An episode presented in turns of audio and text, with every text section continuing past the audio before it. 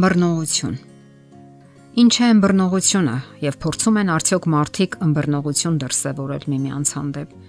Յուրաքանչյուր ողջախոհ հանձնավորություն իհարկե ձգտում է հասկանալ, թե ինչպես վերաբերվել դիմացինին, իսկ հարազատներին առավել եւս։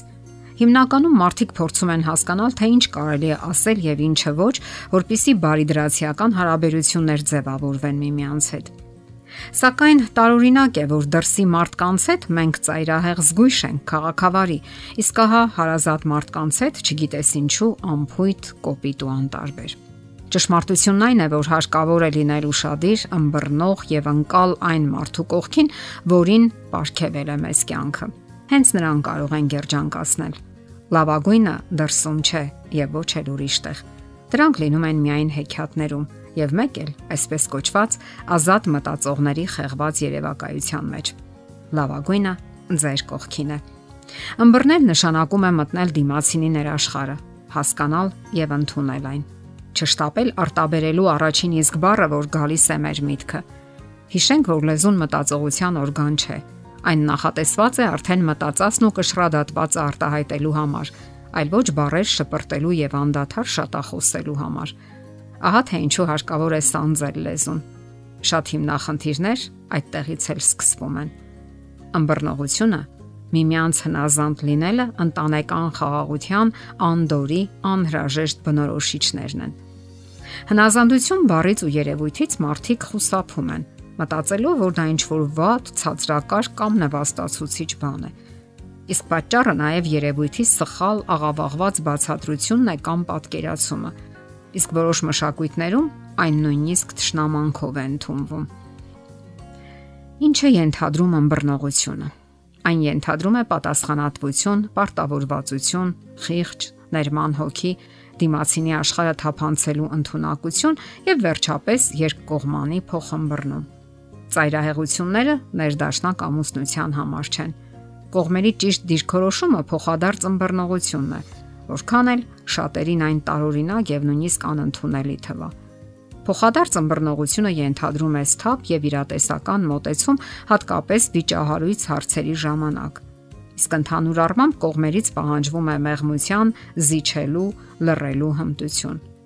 Սա նաև չի նշանակում, որ կողմերից որևէ մեկը պետք է անմռունչ լռի եւ ամեն ինչ հանձնի դիմացինի հայեցողությանը։ Պետք չէ նաև շեշտը դնել հակասությունների կամ տարբերությունների վրա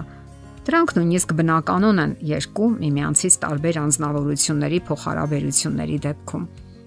Մեզանից ոչ մեկն այս աշխարհում չունի իր հայելային պատճենը։ Հետաքրքիր միտք է արտահայտել նշանավոր գրող Բալզակը։ Սերը սովորաբար հակադրությունները գերադասում է նմանություններից։ Փոխադարձ համաձայնությամբ շատ բանի կարելի է հասնել բոլոր տեսակի հարաբերություններում։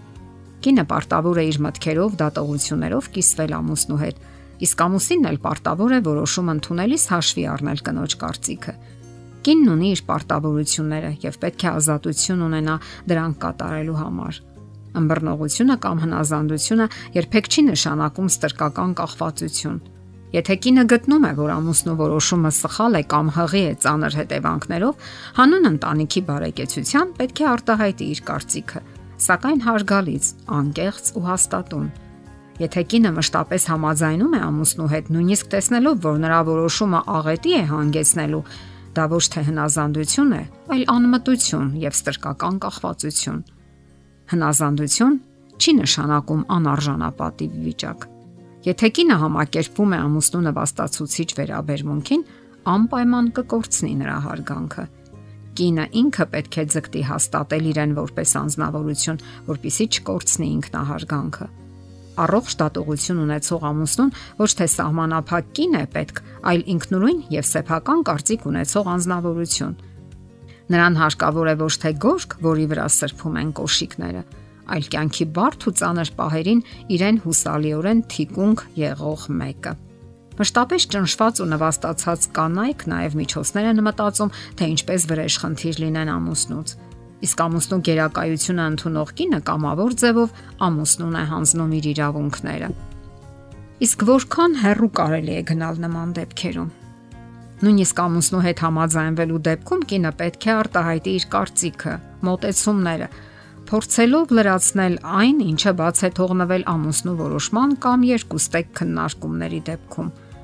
Ամբռնողությունն ու լիակատար հնազանդությունը տարբեր երևույթներ են։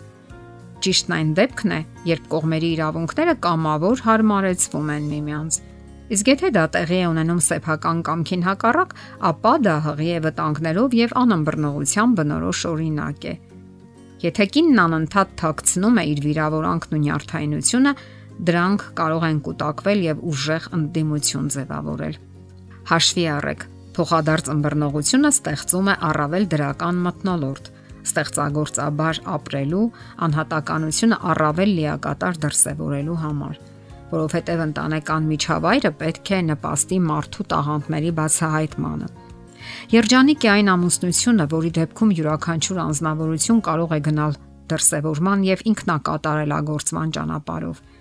Հաշվի չառնել դիմացինի ազատությունը, ազատ կամքի դրսևորումը նշանակում է փլուզել ընտանիքը եւ ընտանեկան խաղաղությունը։ Այսպիսով վստահաբար կարելի է ասել, որ ընտանեկան երջանկության ու խաղաղության կարևոր բաղկացուցիչներից մեկը փոխադարձ ըմբռնողությունն է եւ համբերությունը։ Նշանավոր ֆրանսիացի փիլիսոփա գրող Ժան Ժակ Ռուսոն այսպիսի միտք է արտահայտել.